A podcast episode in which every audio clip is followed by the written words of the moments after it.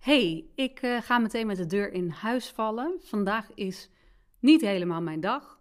Vandaag is eigenlijk gewoon helemaal niet mijn dag.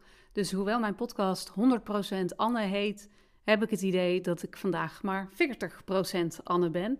Het kan zijn dat als je dit kijkt, dat je dat gaat zien of dat je het gaat horen. Of misschien dat je het zelfs op energetisch of spiritueel niveau zal voelen. Nou ja, voel er maar op los. Dat, uh, ja, ik ben ook maar een mens en uh, ik word vanzelf weer 100%. Dus geen zorgen. En ik dacht, weet je wat, misschien kan ik dit ook gewoon uh, doen. Met 40% voor de microfoon gaan zitten. En dan uh, zien we wel hoe dat is. Nou, daar ga ik. Wat ik leerde van een waardeloze stad en een ontevreden leerling. In 2021 ging ik in mijn eentje naar Berlijn. Iedereen was razend enthousiast van tevoren. Oh, wat heerlijk, Anne. Berlijn is echt geweldig. Oh, echt? Berlijn is mijn lievelingsstad. Je gaat het zo tof hebben. Oh, te gek zeg. Ik heb daar altijd eens naartoe gewild.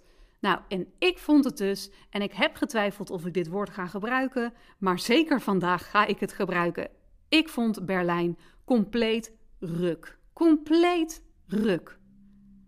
Achteraf gezien ben ik ook gewoon weer in marketingtrucs getrapt. De ene na de andere website wist me te vertellen dat het zo'n mooie, rauwe, historische, industriële stad was. En daar hadden de alarmbellen al moeten gaan rinkelen. Nou, ik zal dus even voor je vertalen wat het allemaal betekent.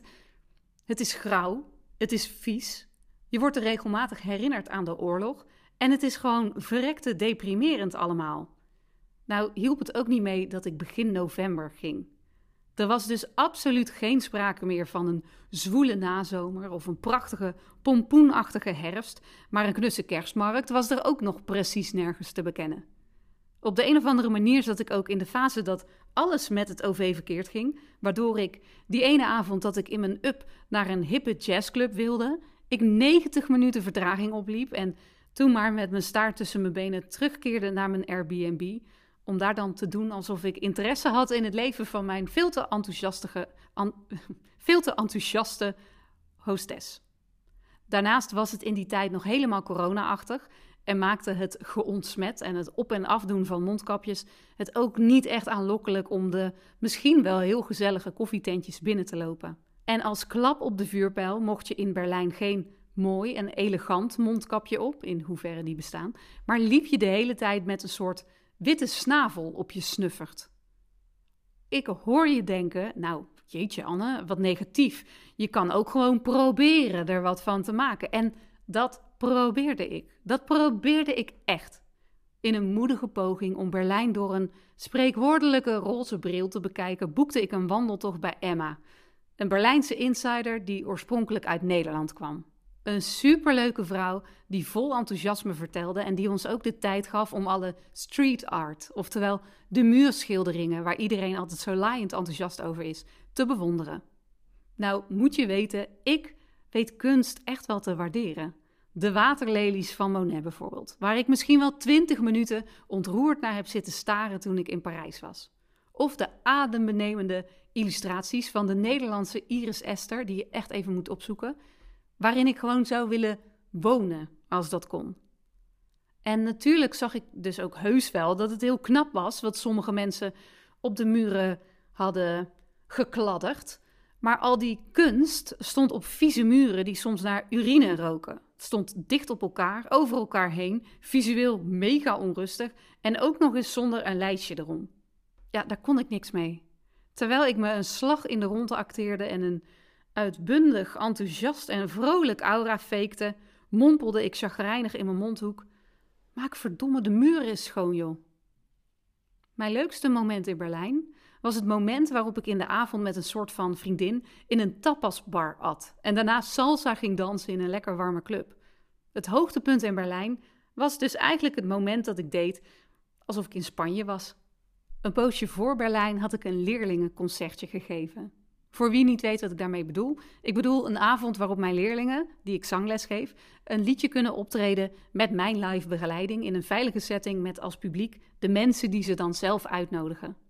Een van mijn leerlingen, ik noem hem even Kees, maar dit is natuurlijk heel erg geanonimiseerd. Nou, die Kees die had een prima prestatie weggezet. Maar in de les na dat concertje vertelde hij beteuterd hoe zijn publiek had gereageerd. Mijn vriendin vond het vals en schreeuwerig en ze zei dat het lied veel te hoog voor me stond, vertelde die teleurgesteld. Ik vond dat bullshit. Natuurlijk konden er dingen beter, dat kan altijd, maar het was sowieso voor 90% zuiver. Daar zou ik Kroephoek, mijn poes, om durven verwedden. God, dat lijkt me niet zo leuk om te horen, zei ik. Maar heeft je vriendin diploma's om dit soort dingen te beoordelen of zo? Werkt ze in de platenstudio van Sony? Hoe weet je nou zo zeker dat zij gelijk heeft en je, zoals je dat zelf zegt, een hopeloze mislukking bent? Hij grijnsde. Zeg Kees, wat voor muziek luistert jouw vriendin normaal eigenlijk? voegde ik eraan toe. Zijn vriendin luisterde normaal klassieke muziek. Zware, warme, diepe, zangerige, vibrerende stemmen.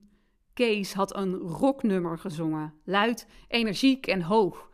Zijn vriendin vragen wat ze van zijn prestatie vond, was te vergelijken met een veganist vragen wat hij van een perfect gebakken biefstuk vindt. Kees was eigenlijk gewoon Berlijn in de oren van zijn vriendin.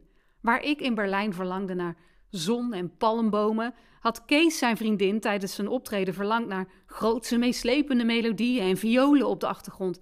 En als iets echt niet onze smaak is, dan weten we het gewoon niet goed te waarderen. Moraal van het verhaal: ga niet naar Ber. Nou, dat is natuurlijk een grapje. Ik denk dat je hem wel door hebt, toch? Zorg alsjeblieft dat je keuzes maakt die bij je passen. En luister alleen naar mensen wiens adviezen relevant zijn. Dan, voordat je weggaat, niet doen. ik moet je nog vier dingen vertellen. 1. Mocht je Berlijn een kans willen geven, zeker doen, niks van mij aantrekken, maar boek dan een wandeling bij Mijn Emma. Je vindt haar en heel veel blogs met haar tips over Berlijn op haar website Wat te doen in Berlijn. Dan 2. Een paar weken terug was ik te gast in een podcast over ondernemen en ADHD. Ik heb inmiddels het hele gesprek teruggeluisterd en ja, al zeg ik het zelf, ik, ik vond het helemaal de moeite waard om te luisteren. Ik was toen wel 100% Anne, dus uh, nou, dan ben ik extra vermakelijk. Als je nieuwsgierig bent, dan plaats ik het linkje in de beschrijving. Dan drie. Ik heb nog wat kaartjes, maar niet zo heel veel meer voor de zangavond in Breda in het thema kleffe duetten en de workshop ukulele en zang in het thema kampvuurliedjes. Voor beide heb je geen ervaring, geen talent en geen voorbereiding nodig. En voor de workshop met ukulele heb je zelfs geen ukulele nodig, want die heb ik gewoon voor je klaar liggen. In mijn webshop kan je kaartjes bestellen en meer lezen. En vier, als je nou denkt, ja, hallo, ik ga niet helemaal naar Breda. Nou, dan heb je geluk, want in maart haalt Stichting Vocal Vibes me naar Arnhem om een workshop kleinkunst en een workshop ukulele en zang te geven. Meer informatie lees je op hun website. Dat was hem. Overleefd. Houdoe! Ik ben Anne Ermens en dit was de podcast die ik met een beetje pijn en moeite opnam op 31 januari 2023. In de beschrijving van deze podcast vind je de bijbehorende linkjes. En luister je dit nou maanden of zelfs jaren later, bekijk dan even mijn website www.anne-ermens.com om te kijken of ik weer 100% de oude ben uh, waar ik me mee bezig hou en wat ik op dat moment voor je kan doen. Als je dit leuk vond om te luisteren, dan vind ik het super leuk als je op me abonneert. Dan vind ik het super leuk als je je op me abonneert, een recensie achterlaat of het tegen anderen vertelt. Tot de volgende. Ik ga naar bed. Tabé.